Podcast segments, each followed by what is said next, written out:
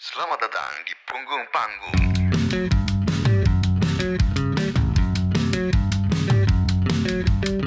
Selamat malam teman-teman, selamat datang di live stream persembahan dari Sounds, Sounds from the Corner juga Gordi Club.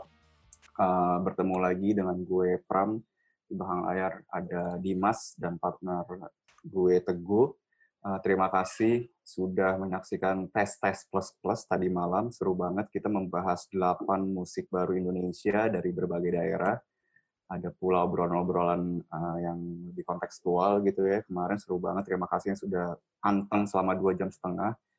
Kali ini di sesi punggung panggung, originally adalah sebuah podcast dari Agordi Club, di mana di sesi live stream ini kita punya format yang sedikit berbeda. Kita akan membedah empat karya narasumber, ada dua narasumber tentu saja malam ini, masing-masing akan membedah dua karya. Kita akan melihat uh, lebih dalam, lebih sudut pandangnya akan lebih luas karena mereka akan membedah secara dapur, secara DAW karya-karya masing-masing gitu. Nah, untuk itu gue sapa dulu kali ya narasumnya ada Widi Puradireja dan Petra Siombing. Halo guys. dus, dus. Yo. Ya, uh, terima kasih atas waktunya ya dua malam ini. Kemarin seru banget. Uh, By the way, gue mau mengingatkan untuk teman-teman yang nonton, jika melihat ada QR code di di layar kalian, itu adalah uh, cara kalian bila ingin mendukung acara ini. Kalian tinggal tembakan saja ya kamera kalian. Tembakan.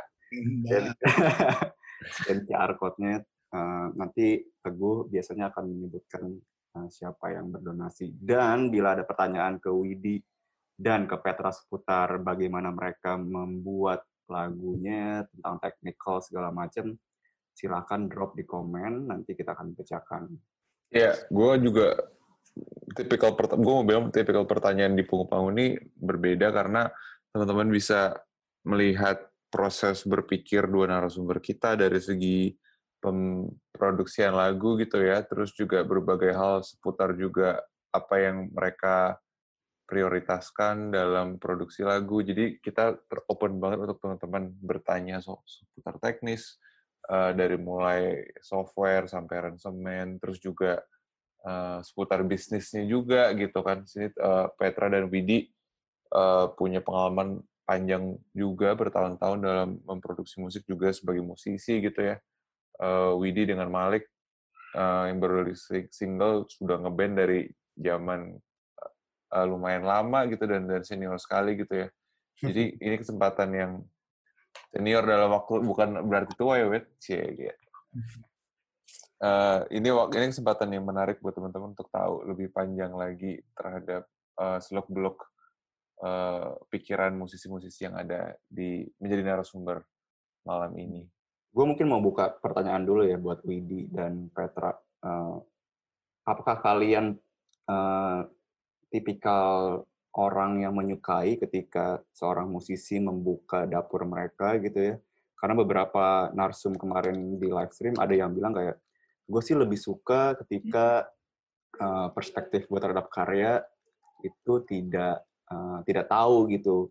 Jadi perspektif gue ya itu itu buat gue doang gitu. Kalau ketika si musisinya buka itu kadang mereka ada yang kecewa lah atau apa pun. Nah, kalian berdua tuh tipikal yang suka ketika ada musisi yang membuka karyanya atau membedah karyanya gitu atau gimana? Dari Petra mungkin.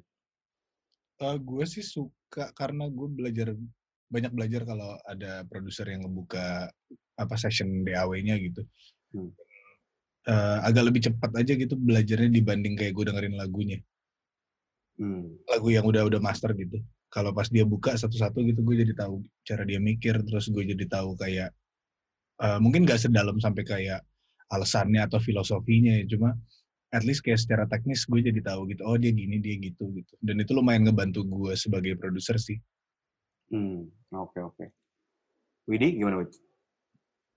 Oh suka kebetulan gue juga ngikutin uh, channel di luar yang berhubungan sama mix mastering gitu.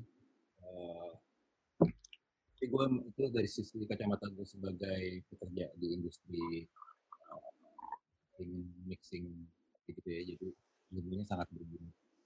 Uh, gue nggak tahu kalau dari kacamata awam mungkin beda ya. Sejauh ini sih gue pergunakan buat belajar. Wait, sorry kayak suara lo agak kecil deh. Mungkin agak dideketin. Tes tes. Belum. Yes, yes. Sekarang Nah, yes, mantap. Tapi gue mau follow up dikit. Lo kan kalau di Malik drummer ya, tapi mungkin untuk teman-teman yang eh, nggak familiar sama backstage-nya Malik gitu, lo juga banyak eh, mengarahkan di direction musiknya juga Malik gitu. Lo you're the drummer first and then lo producer atau lo producer dulu baru drummer gitu kalau dari perjalanan musik lo sendiri eh kayak produser dulu deh. Karena hmm. juga gue nggak nyaman dibilang drummer gitu. Gue cuman kayak gue main drum buat Malik, tapi gue bukan drummer. Oke, karena tidak kemampuan gue untuk bermacam-macam.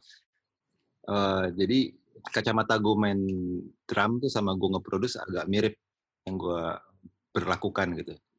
Hmm. Gue nge-produce lagu intinya me- gimana supaya karya ini tersampaikan bagaimanapun caranya, bagaimanapun teknis, mau itu benar atau salah, yang penting orang eh, berasa. Di drum pun begitu gitu. Gua jadi gue saat main drum itu gue nggak eh, nggak memperlakukan teknik apa pun karena gue nggak tahu. Jadi gue mindset gue yang penting lagu ini membuat orang joget waktu gue manggung. Eh, yang penting drum gue eh, membawa kebutuhan lagunya itu aja. Apakah itu dengan cara bermain drum yang benar atau salah? Hmm. Oke oke. Ini sebenarnya ada pertanyaan menarik sih untuk dibuka di awal ya gue. Sikat Dari, lah. dari eh, teman-teman yang nonton dari Aspar, Anggoro, Wibowo. Sejauh mana sih sesama produser sharing-sharing dapur sampai detail ke preset plugin kah atau cuma sekedar sharing? Jadi ketika kalian sedang nongkrong gitu ya bareng-bareng, biasanya sama produser terus sharing-sharing dapurnya tuh sampai sejauh apa sih gitu? Mungkin Petra bisa men- menjawab, Pet. Hmm, kalau sama produser-produser yang gue kenal justru lumayan sharing banget sih. Kadang pinjaman mic, kadang eh, ngasih tahu plugin, kadang ngasih eh, apa sampel, Hmm. kayak bank gitu. Gue pernah dikasih sama Greybox dan itu yang menjumpstart gue jadi mulai menggunakan sampel drums waktu itu. Kalau nggak ada dia mungkin gue nggak akan mencoba hal itu gitu. Dan dia yang salah satu yang kayak gara-gara dia ngasih gue bahan, gue jadi kayak eh bisa nih bikin bikin apa dari dari yang dia kasih gitu. Lumayan lumayan terbuka sih menurut gue. Kayak nggak nggak yang yang gue kenal nggak nggak ada yang pelit-pelit ilmu gitu. Seru jadi. Hmm. Hmm. Tapi ada tuh ya produser pelit tuh ada tuh ya. Tanpa bermaksud gogon, gue cuma nanya aja. ada, ada ada ya oh, yang kayak, aduh kayak gue gak mau share deh. sama lu." eh, ada nggak Pet? Mungkin Mas Widi kali itu, Mas Widi kayaknya tahu. Ngobrol job kali. Nggak, nggak ada sih kayaknya. Nggak ada yang nggak ada yang begitu sejauh ini. Asal kayaknya nggak ada ya Mas ya? Solbon gini ya. Karena gue juga sama kayak Petra, gue awalnya punya sampel-sampel itu dikasih sama produser juga. Adi Aryo dulu. Hmm. Gue dikasih sampel drum banyak banget dan gue pakai sampai hari ini. Ya itu aja tuh sampelnya dari nambah-nambah. gue suka bayangin kayak kalau di studio sama Ahmad Dhani gitu ya, dia pelit apa baik ya gitu. Gue suka ngayal di kepala gue. Kayaknya tau kayak sih baik banget ya. Kayaknya ya. ngarah-ngarah gogon. Tapi gue eh, sebelum masuk ke lagu pertama nih, gue masih gue juga penasaran sama eh, ke Petra. Gue punya pertanyaan kayak eh, lo sampai kayak em, convince sama diri lo sendiri kayak oh I can actually do this gitu kayak consistently dan menjadi profesi eh, lebih ke selalu jadi produser gitu ya. Eh, itu prosesnya lama atau tidak? Lalu apa momen apa yang bikin kayak oh gue bisanya kayak gini gitu? Bisa share nggak sama kita? Eh, lama sih kayak gue sebenarnya udah mulai produce dari album pertama. Gue bikin album gue sendiri, Hmm. main instrumen sendiri juga tahun 2009. Gue bikin dari gue umur 12 tahun. Jadi gue dulu gue sempat kerja di bokap gue punya studio di rumah gitu dan akhirnya disewain ke teman-teman. Hmm. Jadi umur 12 tahun gue jadi operator di studionya. Lo yang satu lagi ya mas gitu. Iya iya. iya. gue paling sebel kalau dapet vokalis yang suara yang jelek. Siapa tuh? Cit, top gue gue. Terus, terus, terus, terus. terus. Nah sebenarnya gue belajar producing karena itu sih kayak ada orang ngirimin stems lagu. Stems tuh kayak track by tracknya lagu gitu. Iya. Ada penyanyi nih mau masuk gitu. Terus eh, si si produsernya ngirimin ke gue eh, track by tracknya. Nah itu gue pelajarin itu kayak eh, pianonya main apa sih, terus drumnya tuh main apa gitu. Terus si bassnya ngapain lagi gitu. Dan gue sebenarnya awal-awal gue belajar producing tuh dari situ. Dari situ gue udah tahu kayak gue, oh gue suka banget nih bikin bikin ginian gitu dan akhirnya gue mulai bikin sendiri terus bikin album pertama eh, 2009 terus ya udah lanjut lanjut terus aja sebenarnya gue self produce sih awalnya sampai Hmm. akhirnya gue nyoba bikin buat orang lain terus orang suka. Sebenarnya tidak ada momen yang kayak terlalu kayak oh ini nih gue produser gitu. Cuma kayak gue bikin apa terus ada yang suka gitu. Gue bikin apa Hmm. lagi ada yang suka. Terus kayak kok lumayan banyak ya? Kok kayaknya bisa eh, dikasih harga gitu. Ya jadi jalan. Mungkin gue mau menyambung ke Widi kali kan bagaimana ketika lu pertama kali um, produseri gitu ya. Mungkin uh, peran om lu gitu ya, Wid, Om Eki gitu sebenarnya seberapa besar pengaruh Eki Puradireja Wid sampai akhirnya Malik bisa sampai sekarang perihal produksi. Eh, itu itu kunci awal tuh gua mengenal produsen produseran itu ya, istilah itu. Ya waktu ya waktu pada umumnya di zaman dulu kayaknya orang saat mau main musik nggak lah sama produser dan Hmm. seberapa penting peran satu project gitu. Dan saat itu kayaknya belum terlalu umum juga untuk untuk produser tuh suatu hal yang eh, vital gitu ya, Hmm. project. Nah, sedangkan Eki waktu datang ke Indonesia pertama kali itu dari Australia yang dia bicarakan selalu dari sisi teknis produksi, cara cara mindset di dalam studio. Jadi itu eh, gua hampir 80% lah itu gua mengenal istilah itu dari Mak Eki. Setelah itu gua nyebur rekaman di Pondok Pinang saat itu di Pondok Pinang Studio. Isinya produser semua, Mak Eki, Indra Lesmana, Aksan. Jadi gue jadi pertama kali gue berada dalam suasana produksi udah dikelilingi oleh eh, orang-orang planet yang Tahun berapa tuh, Wit? Ingat nggak? itu itu 2004 gue rekaman. Cuman gue pertama kali main ke dulu studionya Suara Bumi itu ada di puncak di Cimacan. Hmm. Itu mereka Oh. album eh, eh, interaksi humania. Eh, nggak lama itu nggak lama berselang tuh yang ngerjain album Ermi Kulit itu Hmm. di Cimacan itu mereka meng- eh, di satu villa bikin studio di kayak bawah tanah gitu.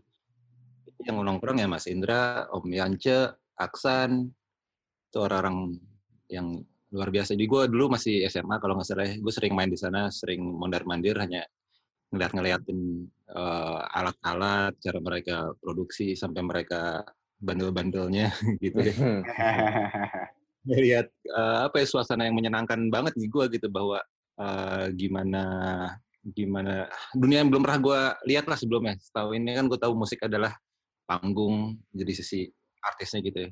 Cuman gue menemukan kesenangannya waktu main sama mereka. 2004 tuh lo ngerekam album pertama Malik berarti? Ya, 2004. Hmm. Wow. Itu waktu itu tahun 99 gitu, 99 kalau nggak salah. Main di puncak itu gue.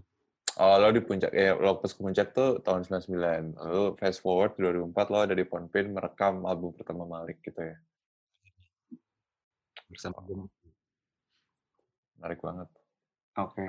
Kita mulai lagu pertama kali ya. Balls. Dari Petra dulu mungkin. Pet, lo mau share lagu apa kita nih hari ini? Eh, lagu gue dulu kali ya ini udah kebuka sessionnya Silakan. yang ini judulnya aduh Teman-teman yang mau nanya, eh, silakan. Yang mau donasi juga ada QR code-nya. Kita akan mendengarkan lagu Petra yang pertama, judulnya, aduh ini lagu pribadinya Petra dari sebagai musisi. Mungkin Petra, sebelum kita putarkan, lo bisa mengintroduce dulu lagu ini, eh, lagu apa, dari album apa, dan mungkin a bit about the song, tentang apa lagunya. Eh, lagu ini gue nulis sama Danila buat album gue sendiri. Hmm. Eh, judulnya Aduh. Eh, judul albumnya Semenjak Internet. Terus lagunya tentang apa ya? Eh, kode-kodean lewat internet gitu sih. No mention, no mention. no mention. Baik, nih gue play. silakan. Bentar dulu kali ya. Ya kliknya nyala.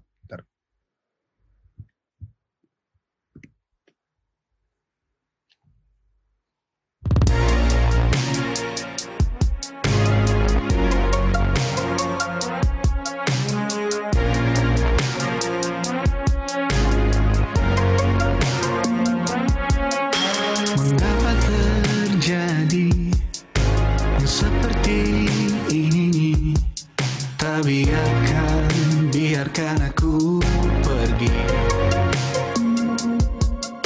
Siapa yang mencari?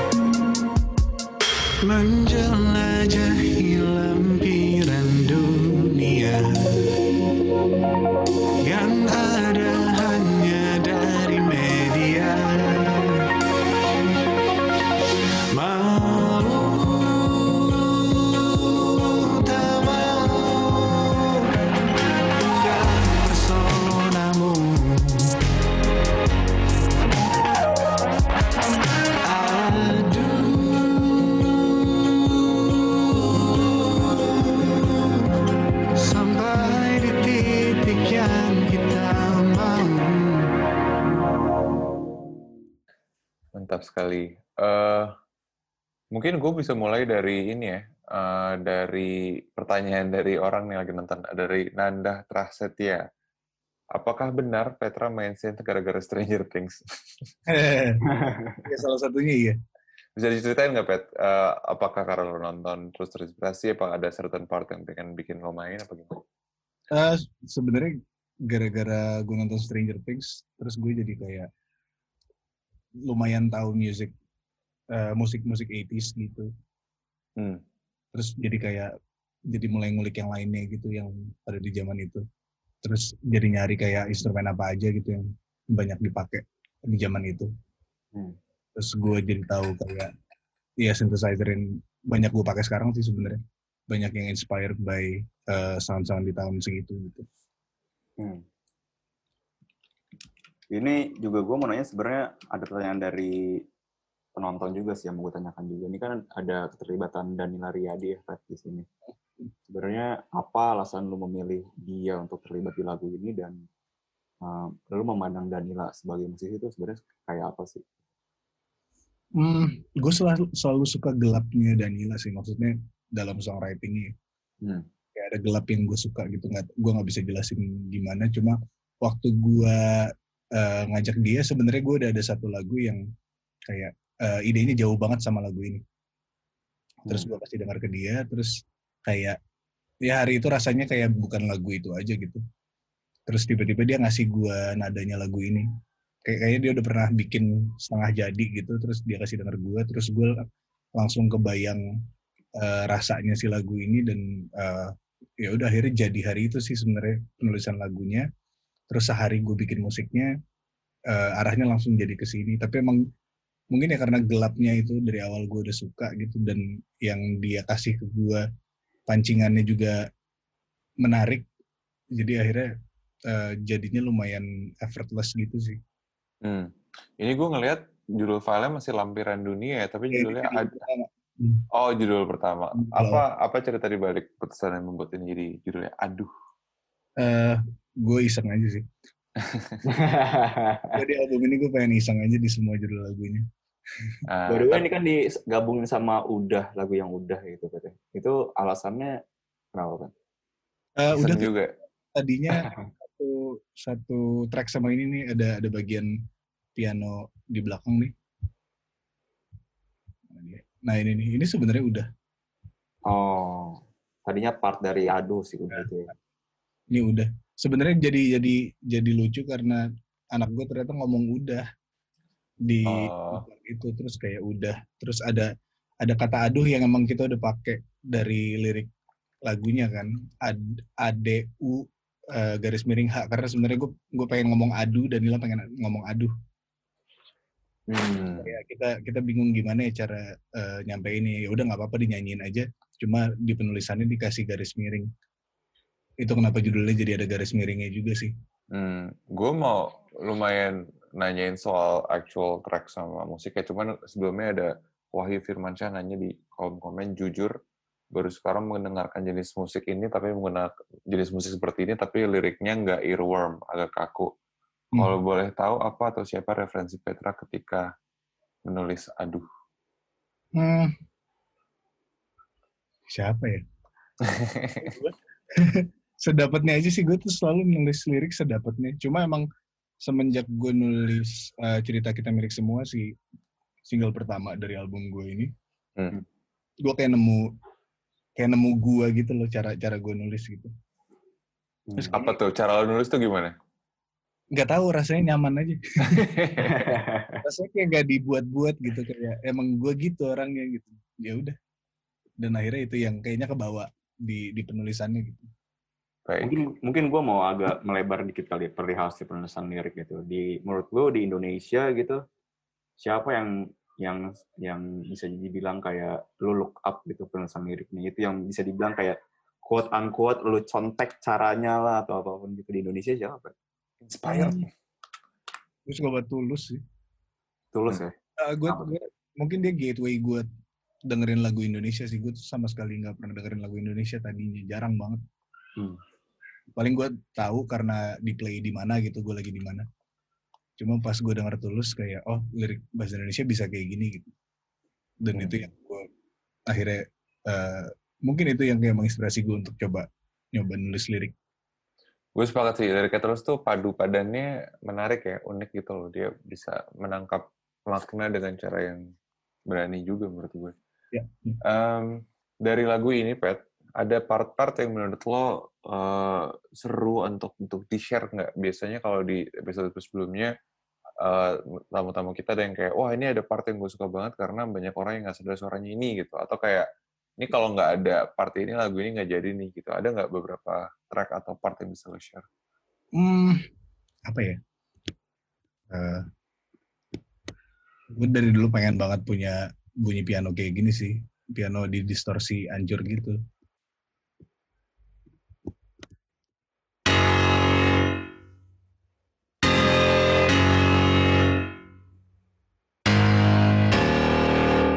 Itu sih.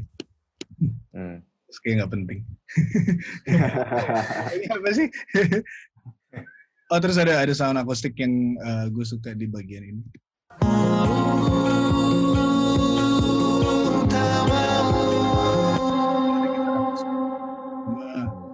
Gue proses aneh dikit gitu. Ada chorus nih.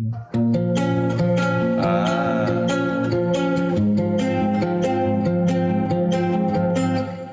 Gue sebenarnya suka conversationnya sih di lagu ini kayak banyak banyak ganti-ganti mood gitu kayak dari depannya beatnya agak-agak trap gitu. Terus tiba-tiba di tengah ada ini. Dunia Basically ini cuma pad hmm.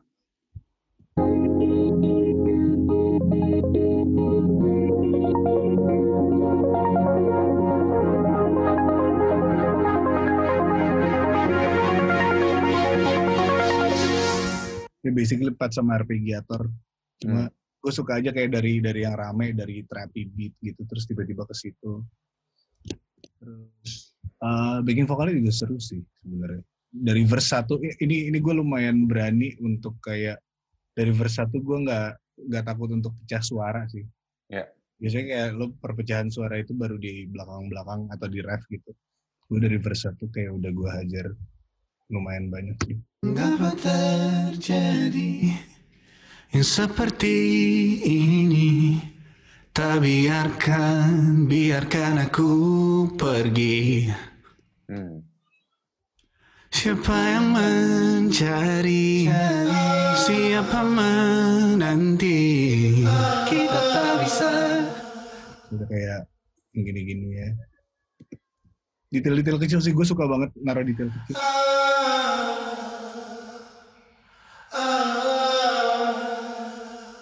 Terus kayak detail kayak gitu gue ulang lagi di bagian yang lebih kencengnya cuma gue distorsiin. Gue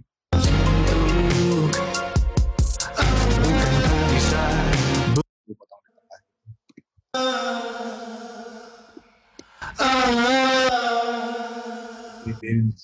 Gitu ini teknis banget sih sebenarnya nggak apa-apa nggak sih Nggak apa-apa. Apa banget.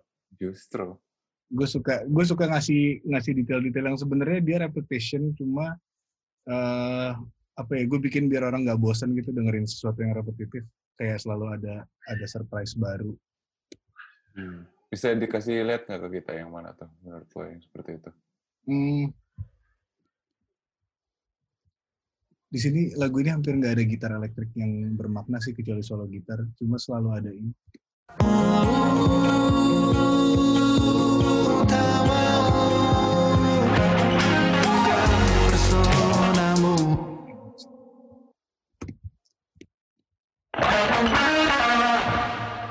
Ya. ya kayak dikit cuma kayak kalau nggak ada dia kurang gitu Hmm. terus gue lumayan banyak pakai efek-efek vokal pakai autotune bla bla bla gitu. Di ref ada mana tracknya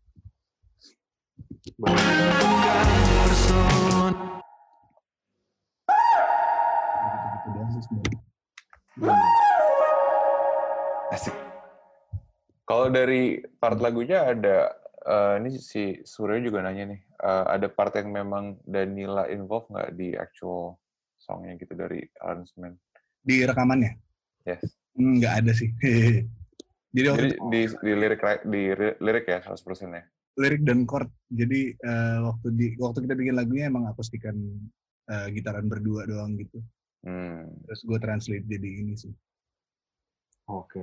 Gue mau nanya ini deh, Pet. Tadi kan lu bilang bahwa lu doyan banget masuk-masukin detail-detail yang yang banyak gitu ya dari awal pun lu udah udah kayak menghambur-hamburkan detail gitu ya. Itu tuh keputusannya dari mana, Pet? Apakah itu hanya based on feeling lu atau ada tujuan tertentu sebenarnya? Ah, gue tergantung lagunya sih kayak gue merasa lagu ini cukup eh, apa ya bilangnya cukup boring gitu kalau tidak ada itu Hmm. kayak gue merasa ada kalau kalau gue lagi ketemu yang lagu yang kayak gini gitu gue harus ngasih bumbu-bumbu yang yang tidak repetitif di atas sesuatu yang repetitif. Jadi banyak banget detail. Kayak eh, lead vokal gue bagi empat. Kayak satu dua tiga empat. Empat empatnya reverbnya beda. Terus eh, ada efek-efek yang nggak gue pakai di verse ada yang gue pakai cuma di ref doang. Tapi semuanya tuh subtle gitu loh kayak dikit banget. Jadi sebenarnya bukan untuk lo berasa sampai kayak anjing vokalnya beda gitu. Cuma lebih yang kayak eh, oh di agak lifted yang ini enggak ini sebenarnya udah agak masuk sedikit ke mixing sih Hmm. Cuma karena di album ini gue mixing sendiri jadi gue lumayan berani untuk naruh-naruh hal-hal kayak gitu Gue mau pindahin dulu ke Widi. Wait, lo ada pertanyaan atau opini terhadap lagu Aduhnya Petra yang tadi kita ber- lagi bahas sekarang? Gue pengen nanya teknis, cuman gue nggak familiar dengan daunnya. oh Nggak apa-apa, tanyain aja. Eh, gue tadi kelewat lagi apa sih tadi? ya? Lu tadi kayak tadi eh, piano ya? Piano mana sih? Ah, Piano distorsi dulu. Ini eh, lo eh, apa namanya? Plugin rata-rata plugin atau eh file audio gitu? Maksudnya lo biasanya tuh plugin lo proses emang emang apa lo re-amp lagi emang apa aslinya dari di kayak si piano ini sebenarnya plugin sih hey ini Arturia. Oh, Arturia? terus gua EQ sama develop develop tuh kayak eh, distorsi audio destroyer dia bilang coba kalau nggak ada bunyinya gini sih kayak ya udah gitu. Cuma karakter pianonya emang udah gitu sih. Pas dikasih ini langsung kayak gitu Terus gue, gue dengan eh, instrumen soft synth gitu, jadi gue suka penasaran kayak gue denger eh, lagu-lagu Petra tuh di- dengan soft synth semua ini tapi dengarnya tuh nggak nggak kayak ini nggak kayak MIDI banget gitu jadi gue Hmm. processing apa sih yang dilakukan supaya eh, ngeblend gitu karena mungkin karena gue nggak terbiasa ya kadang-kadang gue saat menggunakan itu jadi jadi apa nggak nggak pernah puas aja dengan suaranya gitu. Oke. Apakah ada proses-proses tertentu, Pat, dalam uh, ngeblend dari suara-suara tersebut? Eh, gue selalu ada processing sih kayak misalnya sound aslinya tuh kalau nggak ada ini ada Valhalla Ubermat nih salah satu chorus favorit gue Hmm. terus ada Penman juga ini dari Sound Toys ini juga apa alat buat panning favorit gue sih kalau nggak ada mereka tuh kayak jadinya ya nggak ada gerakan nih gitu. Cuma ini audionya yang eh, orang denger mono ya jadi nggak kedengeran juga stereo sih harusnya dia kanan kiri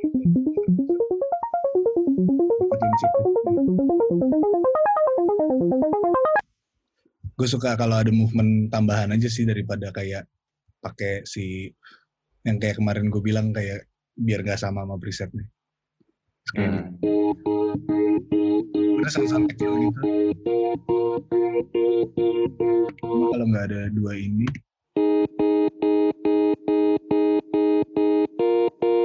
kayak lifeless aja menurut gue. By the way, ini ada pertanyaan menurut gue menarik ya dari Arya Praja Sukanda yang pertanyaannya mungkin bisa gue develop lagi. Katanya dengan instrumen layer sebanyak itu gimana cara bawainnya live? Cuman gue mau revise sedikit pertanyaannya ya. Pertanyaannya mungkin serealistis apa sih saat lo mentransfer apa yang ada di DAW lo sama saat lo di panggung gitu? Kayak apakah lo pengen mencapai semirip mungkin atau lo malah kayak gue maunya beda banget gitu? Eh, atau lo malah ada extra touch untuk differentiate treatment lo di lagu dan di live gitu. Mungkin dari Petra dulu kali. Eh, gue selalu pakai backing track sih itu pasti. Cuma biasanya kalau eh, lagi latihan terus eh, player gue menemukan sound yang menggantikan perannya si sound-sound gue, biasanya gue mute di backing track. Hmm. Dan kadang soundnya juga nggak nggak sama, cuma perannya sama. Jadi saat player gue bisa menemukan peran yang sama, biasanya gue mute kayak misalnya hal-hal kayak gini. Tiba-tiba keyboardis gue nemu pad yang rasanya agak kayak gitu, ya udah yang ini gue mute. Jadi nggak akan gue mainin live. Cuma kalau nggak nemu biasanya tetap gue buka, terus dia malah bisa nambahin hal lain gitu yang yang beda. Jadi selalu ada bedanya sih kalau live. Hmm, baik. Kalau Widi gimana, Wid? Gue gue selalu memposisikan kalau buat Malik ya eh, recording dan live itu dua seni yang berbeda gitu. Hmm. Gue challenge-nya berbeda, eh, cara penyampaiannya juga berbeda gitu. Dan kalau Malik kan nggak pernah pakai sequencer, jadi emang semuanya eh, live gitu. Hmm. Alasan pertamanya sih karena anak-anak nggak biasa dan nggak bisa melakukannya.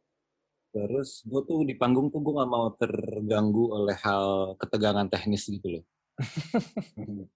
Pertama kita di Indonesia ya, kita kan kecuali kalau konser Ada sendiri. aja. ya. Iya. Ya, jadi gue mengurangi ketegangan-ketegangan. Gue gak mau bergantung sama hal-hal di luar manusianya sendiri yang berada di panggung gitu. Gue pengennya di atas panggung anak-anak tuh udah bersenang-senang aja. Eh, somehow energi energi anak-anak di panggung itu eh, orang tuh bisa berasa dan melupakan detail-detail yang harusnya ada gitu Hmm. selama selama bisa powerful performance eh, yang sejauh ini gue rasain itu lebih lebih impactful Hmm. daripada tegang cuman raut muka kelihatan tegang takut-takut itu penonton bisa berasa juga sih gitu. Gue dari nonton lo awal sampai sekarang kayak gue mungkin setiap kali nonton lo di, di selalu ada eh, aransemen yang baru gitu ya. Kayak kayak lagu apa disikat apa disikat apa disikat apa terus lalu ada twistnya di mana gitu. Itu memang eh, apa ya emang blueprintnya Malik ya emang kayak lo emang selalu memastikan lo punya aransemen yang fresh atau ada strategi sendiri untuk itu Eh, karena Malik kan eh, model eventnya lumayan beragam ya dari pensi, dari gathering, kawinan, eh, festival-festival yang eh, berbagai macam eh, bentuk gitu. Jadi kita biasanya punya beberapa arrangement yang eh, workingnya nggak di semua model acara gitu. Jadi kadang-kadang di pensi kita pakai apa, di gathering pakai versi mana, dan saat di beberapa event juga kita kadang-kadang menggabungkan beberapa elemen itu. Dan itu biasanya terjadi on the spot di atas panggung aja sih saat kita boring nih eh coba pakai versi yang A gitu. Hmm. itu yang eh, kelebihan itu kelebihan variasi panggung itu ngebuat mungkin orang eh, terberasa berasa kita suka beda-beda arrangement gitu. Yes. Gue mau balik ke Petra dong dikit kayak tadi kan uh, Malik itu memposisikan sesi rekaman dan panggung tuh berbeda gitu. Kalau lu gimana Pet? Apa ketika lu membangun sedemikian banyak player ini, apakah lu terpikir, uh, apakah ada filter kayak, lu nanti live-nya gimana ya? Atau kayak udahlah lu ada sequencer, ada backing track gitu. Gue uh, sejujurnya gue belum pernah manggung sama album ini karena dirilisnya pas lagi corona ya. Jadi gue belum pernah manggung. Ini tadi gue baru baru banget gue balik dari latihan. Besok akan jadi panggung pertama gue dan masih streaming.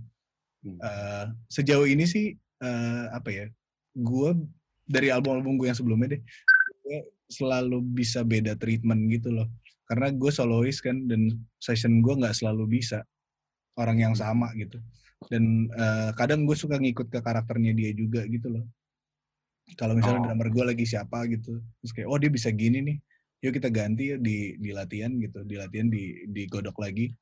Eh mungkin pattern drumnya bisa berubah atau kayak eh mungkin gue pakai drum machine di album cuma pas di live gue hajar eh, drum live drum set live gitu.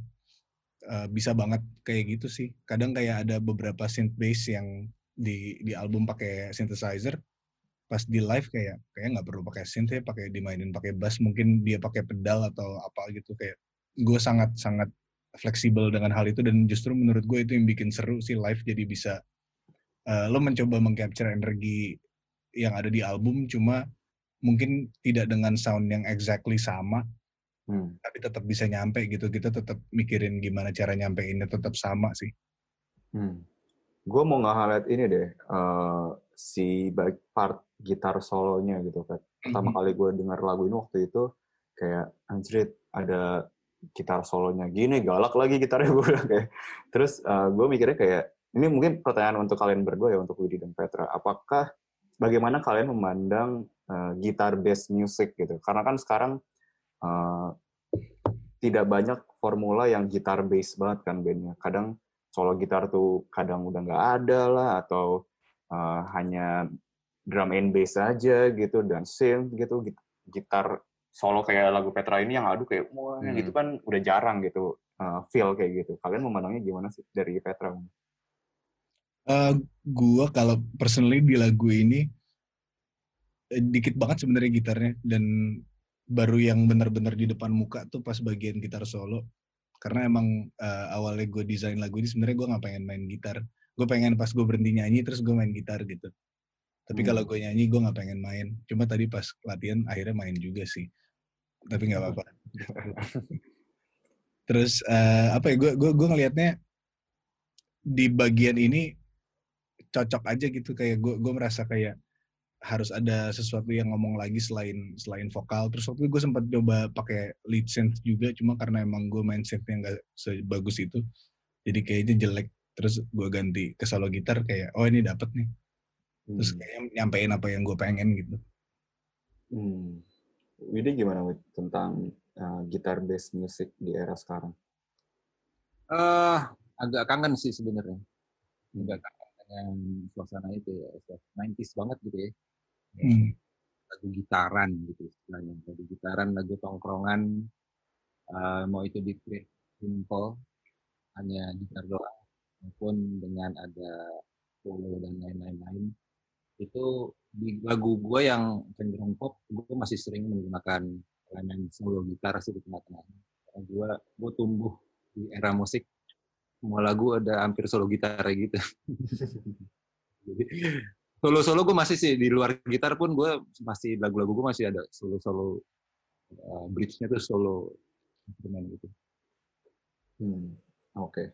Gue satu lagi nih dari yang nonton nih dari Gilang Firahan Ananda. Mungkin ini masalah backing track yang tadi Petra sempat jelaskan ya. Hmm.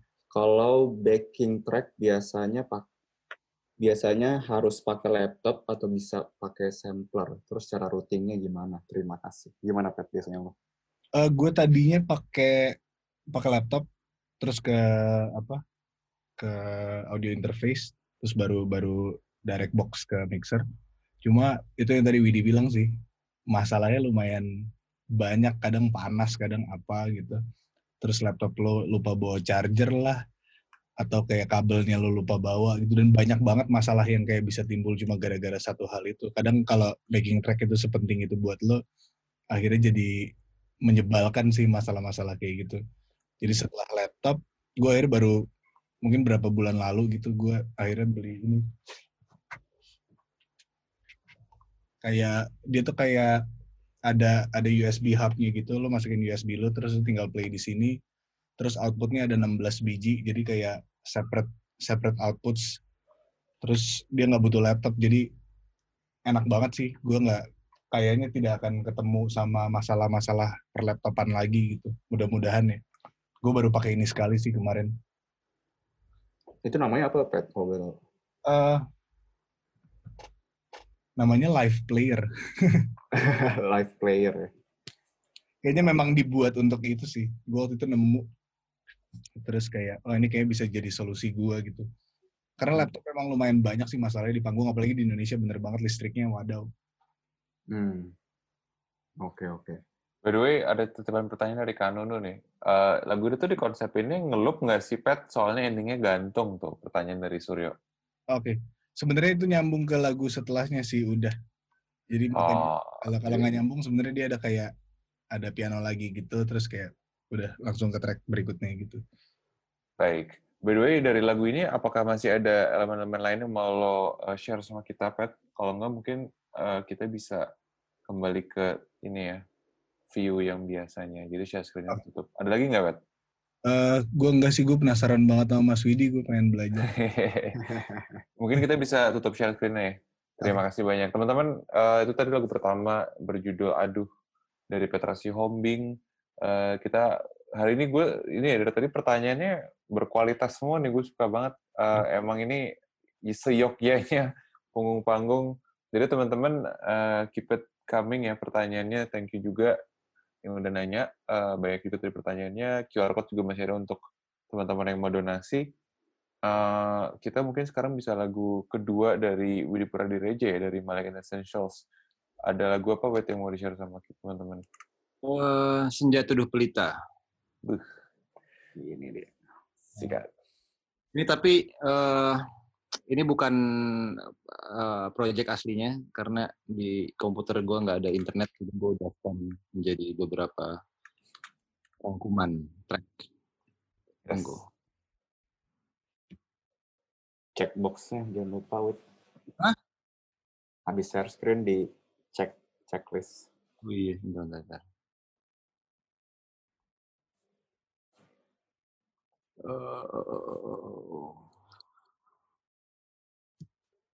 Oke. Oke, kita putar dulu kali ya lagunya. Silakan. Bentar ya. Ada yang lari sedikit. Ini drum gue suka lari. Kalau kayak live gitu, kick drumnya kayak yang maju-maju gitu. Nggak, eh, nggak reka- apa rekaman aja udah masih lari, apalagi live kan.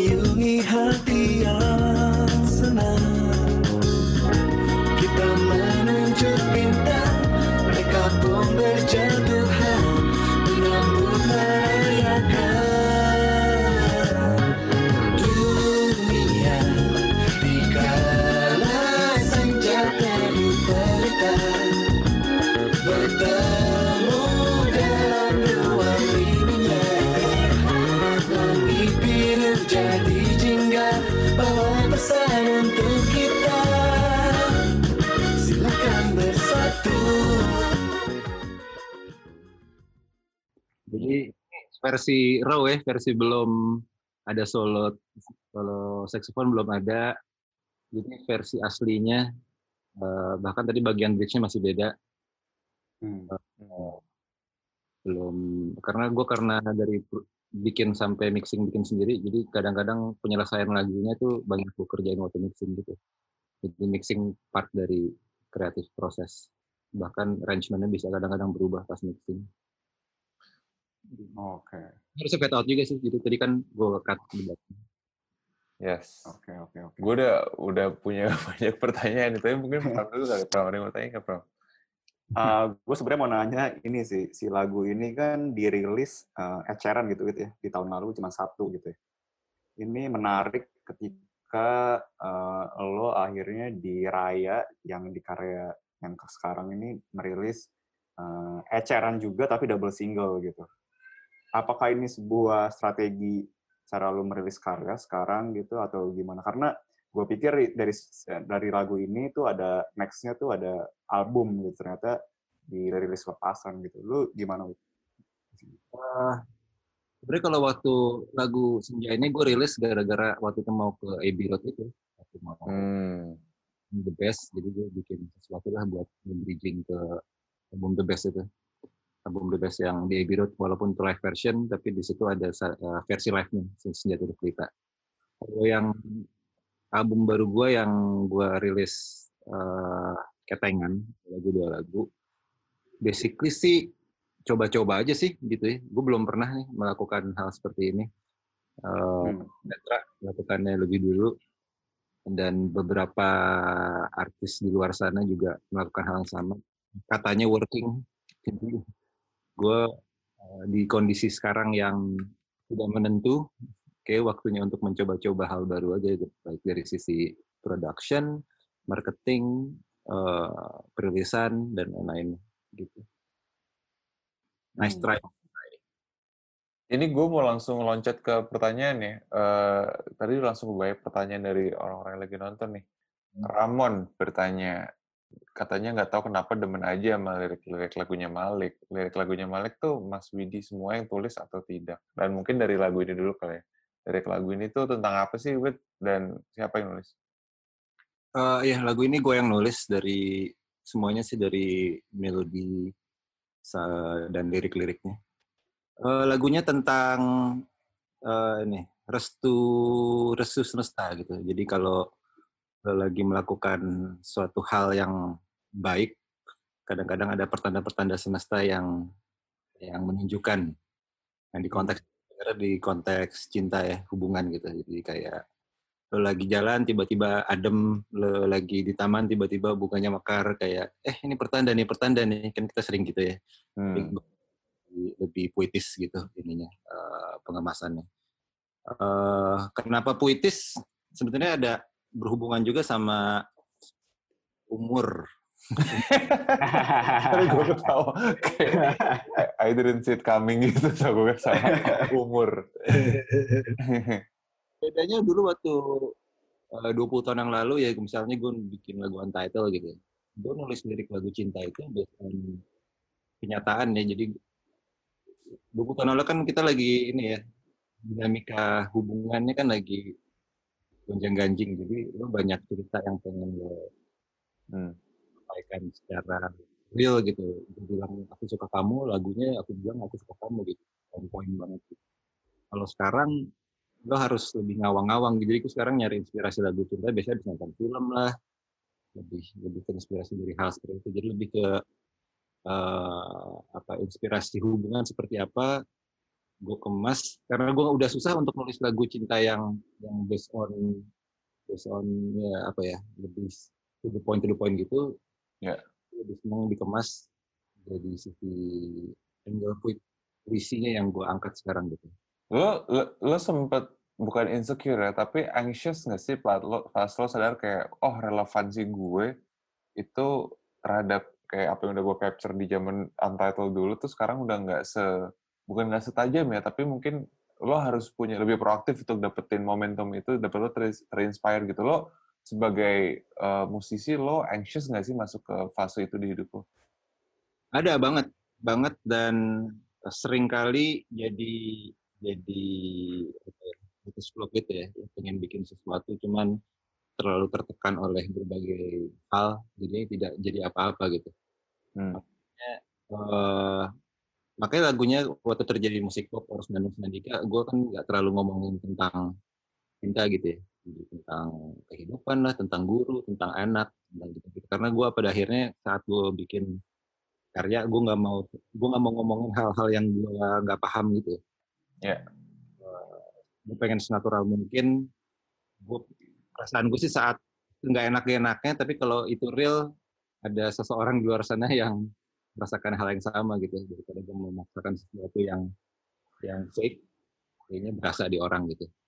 Nah di mungkin eh tadi lu bilang tentang perasaan di album awal itu gue lebih berasa apa tuh ya lebih natural ya natural natural respon terhadap terhadap eh, bikin lagu itu terjadi di album raya ini sebenarnya.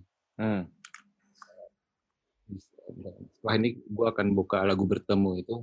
Kenapa natural? Karena pandemi ini ternyata bikin tensi manusia tuh kayak jadi nol lagi gitu. Lo kayak agak pasrah lo tidak berekspektasi apa-apa sehingga lo bikin karya juga ternyata pengaruhnya besar gitu. Jadi album raya itu menurut gue album yang sangat gue puas banget gue suka banget. Karena akhirnya gue bisa merasakan gue kayak ABG lagi gitu. Hmm. apa pun. Ternyata yang orang tuh banyak bilang, oh minta eh, lagu Malik ke zaman dulu lagi dong. Gue nggak pernah bisa tuh, karena gue nggak merasakan hal itu dong. Ya. Yang bisa membuat gue merasakan hal itu saat kita tidak ada te- tekanan apa pun dalam bikin karya. Gitu. Hmm. Pram, mau gue nanya masih, se- gue mau follow up dikit lagi satu lagi soal masih Iya. soal lirik kan lo kan drummer lo nulis lirik tapi yang nyanyi kan di depan ada dua orang gitu kan ya. Sejauh apa sih lo mengkonsult atau gue yakin along the years gitu ya kayak lo mengerti mereka maunya gimana. Tapi lo tektokan sama mereka itu intens nggak sih soal lirik gitu? Kayak eh, dan apakah ada metode tertentu yang lo lakukan untuk mendapatkan harmoni itu ya sama si vokalis-vokalisnya? Banget sulit. Karena eh, vokalis gue Angga kebetulan dia tuh tipe tipe pendengar lagu yang yang bukan lirik gitu. Jadi kalau suka lagu tuh melodinya dulu, hooknya dulu dan lain-lain. Lirik tuh eh, belakangan gitu. Eh, jadi kalau untuk gue menjelaskan lagu yang gue tulis untuk Angga tuh gue perlu perlu detail karena dia tipe orang yang bisa eh, nggak nggak terlalu mudah untuk membedakan eh, lo naksir sama seseorang misalkan versi ABC itu sebenarnya beda nih. naksir banget, naksir aja, tapi apa gitu beda-beda. Hmm. Nah, dia tipe yang sebenarnya me- menyamakan kalau naksir ya naksir, kalau sebel ya sebel. Iya. Dia seperti itu gitu. Jadi eh, perlu lumayan detail banget sih. Kalau Indah dia tipe yang justru kebalikannya. Dia tuh tipe lirik banget. Eh, dia justru tidak ke technical.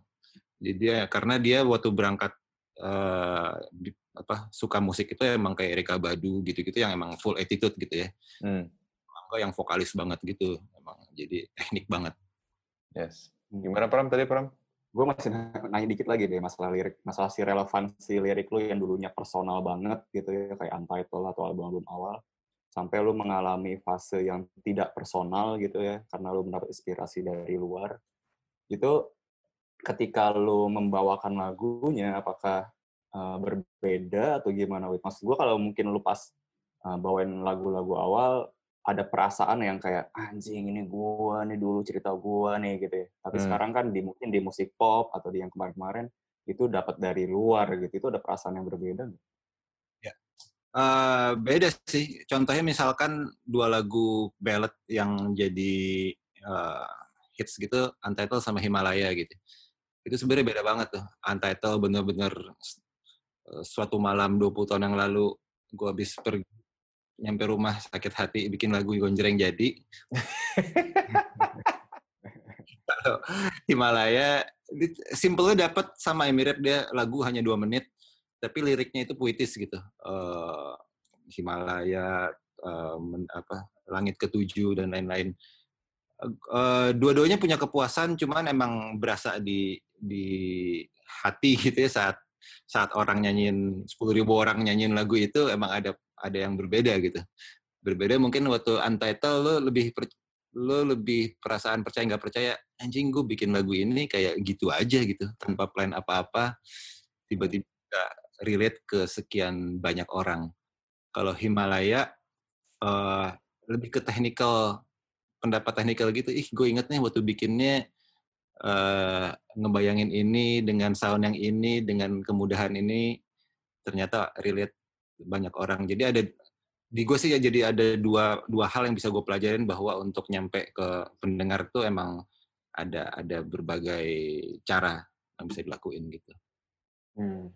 Gue mau nanya ke Petra deh. Pet, lu ada komentar atau pertanyaan mungkin tentang lagu ini? Banyak. Nggak akan. Pet sini pet. Pertanyaan gue teknis semua sih tapi Oh, agak silakan. apa-apa. Nggak Ayo dong, nggak apa-apa. Ini silakan, sek- silakan. sekalian, sekalian kita masuk ke teknis lagunya. Iya.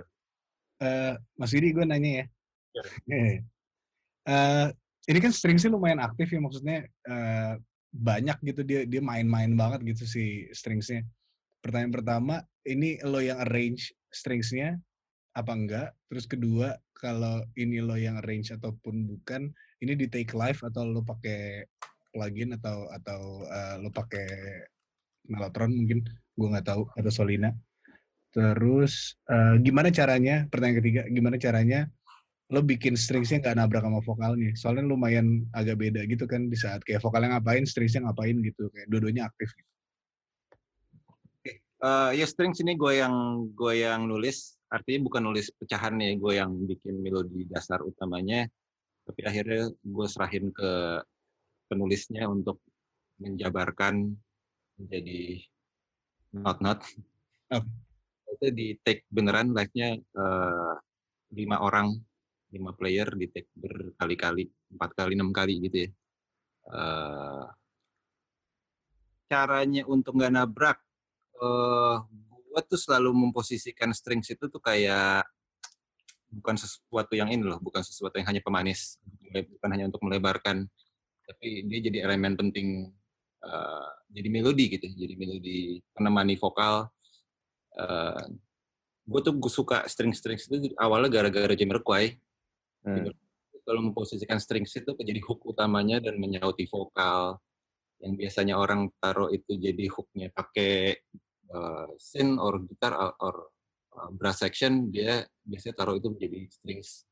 Jadi misalkan di di ref ini terutama yang sibuk banget stringnya itu gue memposisikan dia menyauti vokal gitu. Uh, uh, dunia nana tadadat tadadat abis itu baru instrumen lain masuk. Jadi saat instrumen yang lain sibuk gue pasti itu diem aja sama sekali nggak ada.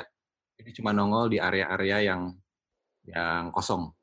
Jadi di antaranya doang gitu. Gue sebenarnya nggak terlalu nggak suka strings yang sibuk gitu. Gue nggak pernah taruh di musik gue tuh strings yang pendek-pendek itu gue nggak pernah suka. Tapi pengen keluar sekali-sekali aja, cuman penting sampai ditanya orang gitu. Kayak lo bisa nanya kan. Achieve berarti ini masuk ke ro- intentionnya masuk sampai ditanya Pet. Satu lagi boleh nggak? Boleh, boleh, boleh. Eh, gue pengen nanya recording chain lo sih sebenarnya. Tadi yang stand out lumayan stand out banget ke gue tuh tone bassnya Jawa. Sama gue juga. eh apakah itu memang semuanya dari pedal boardnya dia dan eh, dia punya gue nggak tahu ada chain sendiri Ya. Eh, itu satu kedua kalau emang dari dianya udah bagus apa kalau eh, pakai preamp lagi atau kompresor lagi di saat ngerekam kalau boleh tahu apanya boleh kalau nggak boleh juga nggak apa-apa Boleh dong. Oke, jadi bass yang dipakai Mejawa itu ini bass jazz bass tahun 60 Fender jazz bass tahun 67. Itu satu-satunya bass dari tahun 2005 sampai 2020 hanya bass itu yang dipakai buat rekaman Malik.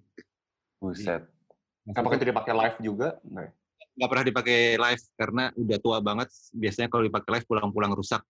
Jadi hanya hanya dipakai buat recording. Dan gue nggak tahu kenapa itu eh, kalau dimainin normal gitu kayak sebenarnya nggak enak-enak banget. Tapi saat lo masuk ke lagu, somehow dia ada ada magic tertentu yang selalu matching sama semua lagu Malik terutama gitu ya. Nah untuk chainnya gue selalu direct, gue nggak pendeng nggak penggemar bass todong. Jadi gue selalu direct langsung ke preamp. Uh, gue preampnya itu pakai yang vintage, ada NIF dapetan dari mixer zaman dulu. Kompresornya masuk ke Ure itu juga kompresor vintage. Gue kebetulan karena rata-rata pakai hardware, gue pencinta hardware yang zaman dulu gitu. Hmm. Walaupun gue tahu secara teknik bener apa enggak penggunaannya, jadi gue menggunakan itu lebih ke creating creating sound bukan bukan untuk menjaga dinamik gue justru bikin itu sebagai distorsi biasanya gue pakai kompresor gitu nah untuk mid-nya itu sebenarnya gue pakai hardware EQ juga Chandler Chandler Germanium tone control. Itu favorit gue untuk bass. Dia apa ya mid-nya itu kalau di crank gila-gilaan itu lo nggak bakal sakit di kuping. Mungkin itu bedanya sama uh, plugin yang gue tahu ya. Hmm. plugin.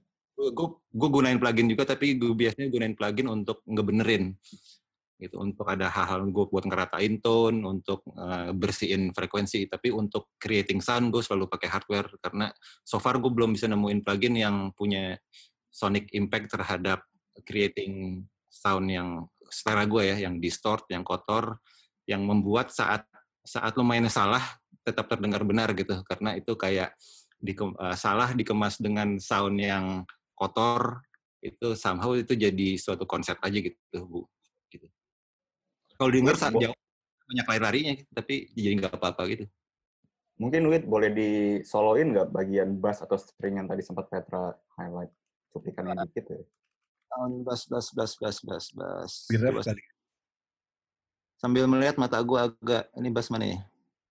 Oh ini dia. Oh, itu tak di atas gitar ya.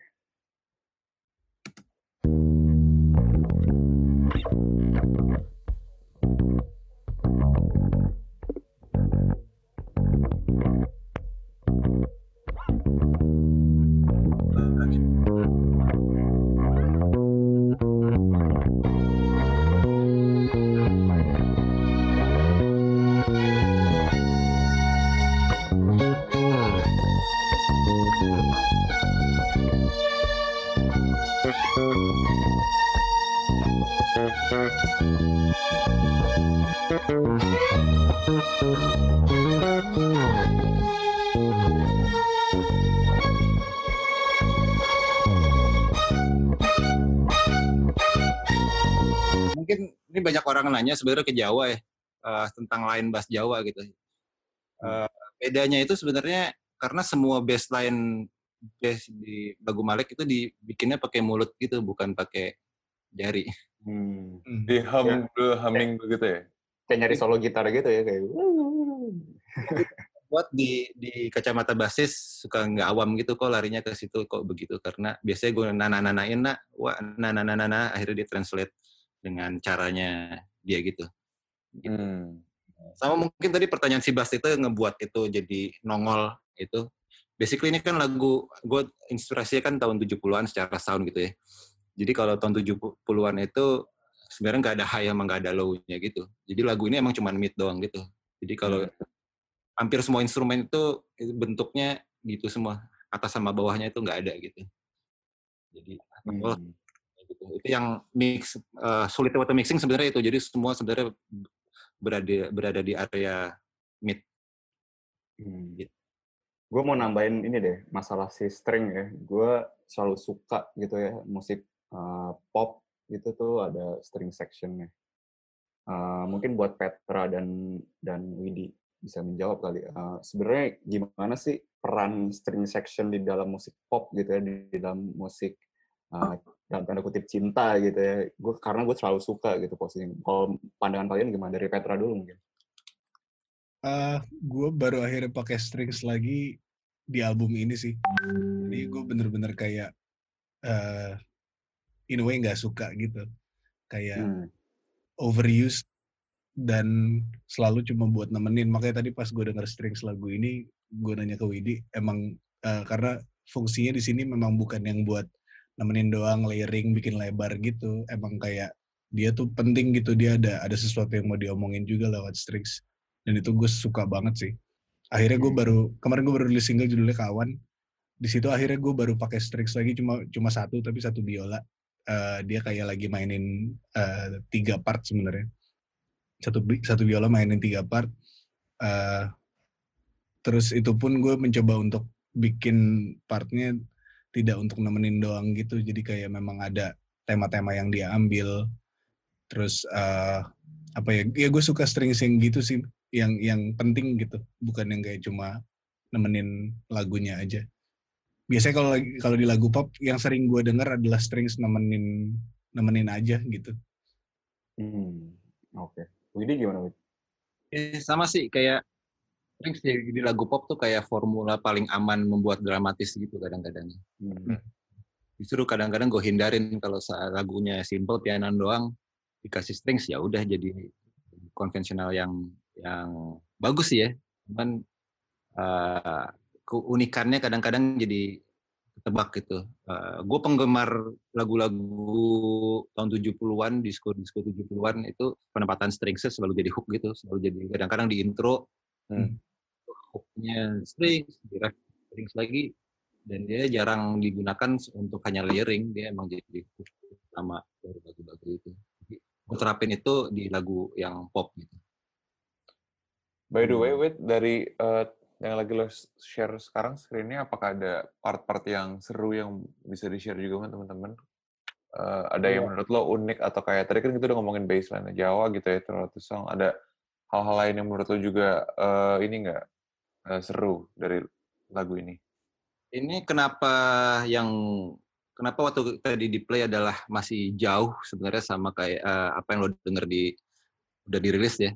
Hmm ini 50% persen uh, penyelesaiannya itu terjadi waktu mixing.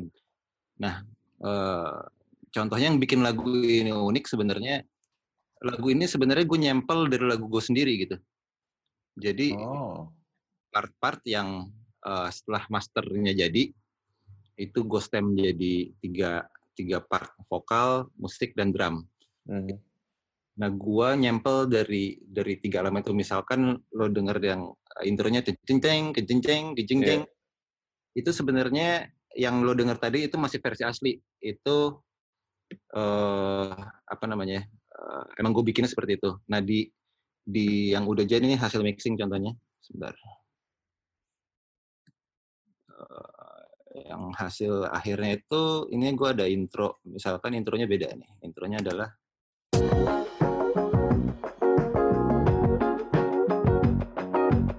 misalnya udah denger cengek cengek yeah. itu sebenarnya udah ulang gitu oh dari lagu gua asli gitu dan bagian kayak contohnya drum kayak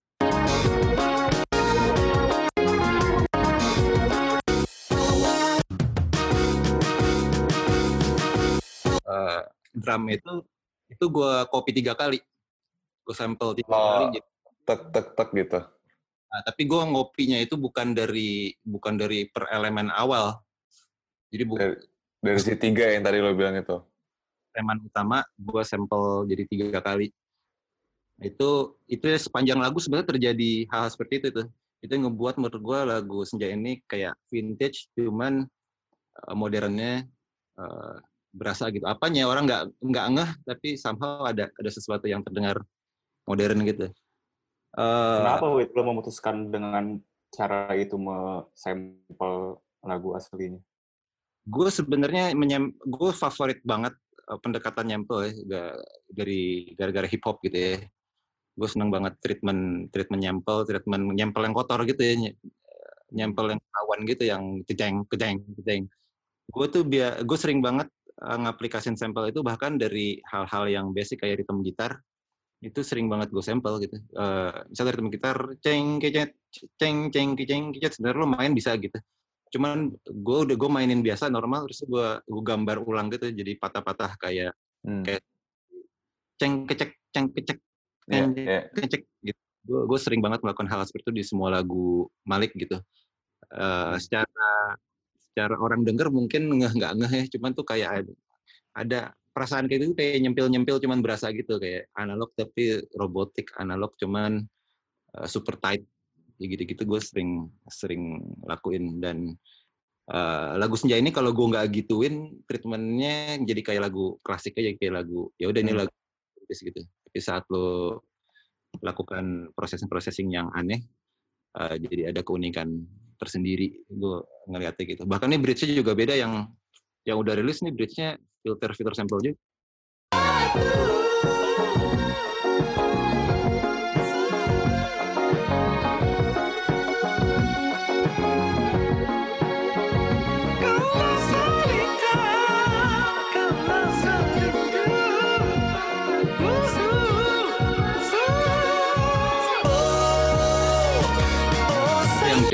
deng itu gue sample juga. Oh. banyak elemen-elemen seperti itu sepanjang gue banyak melakukan eh, itu sih kalau di lagu ini sebenarnya secara sound nggak terlalu banyak nggak terlalu banyak eh, sound macam-macam ya kon- cukup konvensional instrumennya cuman tiap elemennya gue coba proses dengan keniatan yang nggak masuk akal gitu gue EPM, EPM. gue mau Iya, nanya Ya. fans Malik kan demografinya besar ya. Ya. Yang kalau dengan antusiasme dari perihal aransemen teknis gitu banyak nggak sih Wit selama Malik berjalan? lumayan eh, tiap gue rilis pasti ada DM pertanyaan secara teknis gitu ya. Eh, cuman gue untuk menjelaskannya agak repot selain di forum-forum seperti ini gitu ya. Yes. Karena- Gua- karena pendekatan gue kan mungkin nggak nggak pendekatan eh, musisi sekarang gitu ya. Gue banyak bekerja dengan eh, analog dan instrumen yang zaman dulu dan itu gue menjelaskannya so agak repot gitu. Ini contohnya nih kayak lo kalau dengar lead intronya. Ini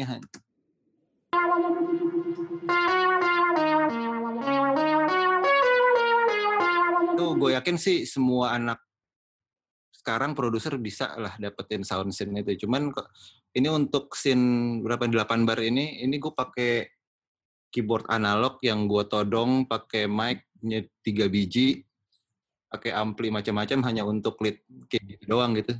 Hmm. Itu kayak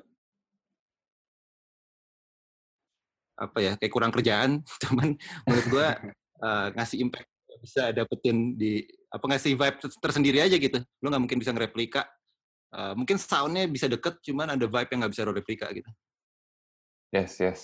Hmm, Oke, oke. Menarik. Wait, ada yang mau di project lagi? Kalau nggak kita stop share screen ya. aman Eh, silahkan di stop. Nah, ini dari para netizen nih banyak sekali pertanyaan. nih. netizen. dari mana dulu nih? Eh, dari dulu deh, dari Hasmi Patria. Kalau dalam satu band diisi beberapa produser sering, ah, sorry sorry. Kalau dalam satu band diisi beberapa produser sering berbenturan antara ide enggak? Kan visi produser terhadap lagu kadang berbeda. nanya ke Gimana, siapa oh ke gua ini maksudnya kalau di Malik ada produser gitu macam-macam ya Hmm, kayak mana ada gua gitu ya Hmm. Eh, kalau di Malik mungkin ininya apa ya eh, job desk-nya udah jelas gitu Hmm. Eh, tok palunya ada di gua kalau sisi kreatif. Cuman eh, gue sangat beruntung sih kondisi Malik yang sekarang.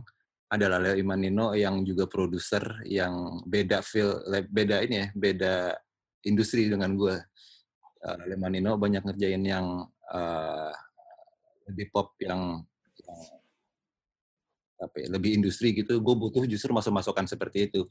Kadang-kadang yang gue kerjain tidak tidak pede dengan relevan gak sih nih dengan pendengar sekarang. Lalai Manino biasanya yang bikin itu jadi masuk akal dari sisi, walaupun nggak dari sisi teknis ya, tapi lebih penting lagi dari sisi yang nggak teknis justru kedengarannya aja gitu, secara lewatan ini ini kurang kurang apanya gitu. Itu justru gue butuh banget kacamata Lale Ilman terutama. Hmm. Eh, apalagi kacamata kayak Angga atau Indah ya, yang dia emang diposisikan jangan nggak boleh sering-sering ke studio karena dia gue butuh kuping segar yang begitu masuk studio cuman bisa nilai enak atau enggak ya doang gitu. Hmm. Ini ada follow up masih soal Lale, Lale, eh, Lale Ilman ya dari Muhammad Fadel. Mungkin agak mirip pertanyaan, cuman ada poin yang berbeda juga. Menurut Mas Widi, gimana dan seberapa besar peran Lale Ilman sampai sekarang? Tadi udah dibilang ya, apa apa dampak Lale Ilman Nino di sini dibilang Lale Ilman Nino di Malik dan apakah ada irisannya sama Malik? Gimana? Wid? Eh, kalau di gue paling paling pengaruh banget sebenarnya posisi mereka lebih, lebih ke songwriting ya. Hmm. Karena mungkin di 10 eh, 10 tahun awal Malik itu hampir 90% gue yang bikin lagunya, songwritingnya. Dengan ada Lalai Manino, ada pencerahan dari chord-chordnya yang di luar di luar kemampuan gue. Makanya sekarang gue kalau akustik Malik gue nggak udah nggak main gitar lagi, udah nggak bisa gue sama chord-chordnya Lalai Manino. gitu ya. Itu pengaruh paling besar sih dari dari penciptaan lagu sekarang eh, lebih lebar. Eh, melodinya jadi bisa lebih ke mana-mana gitu. Eh, sama pendekatan itu sih pendekatan apa yang lagi relevan sekarang.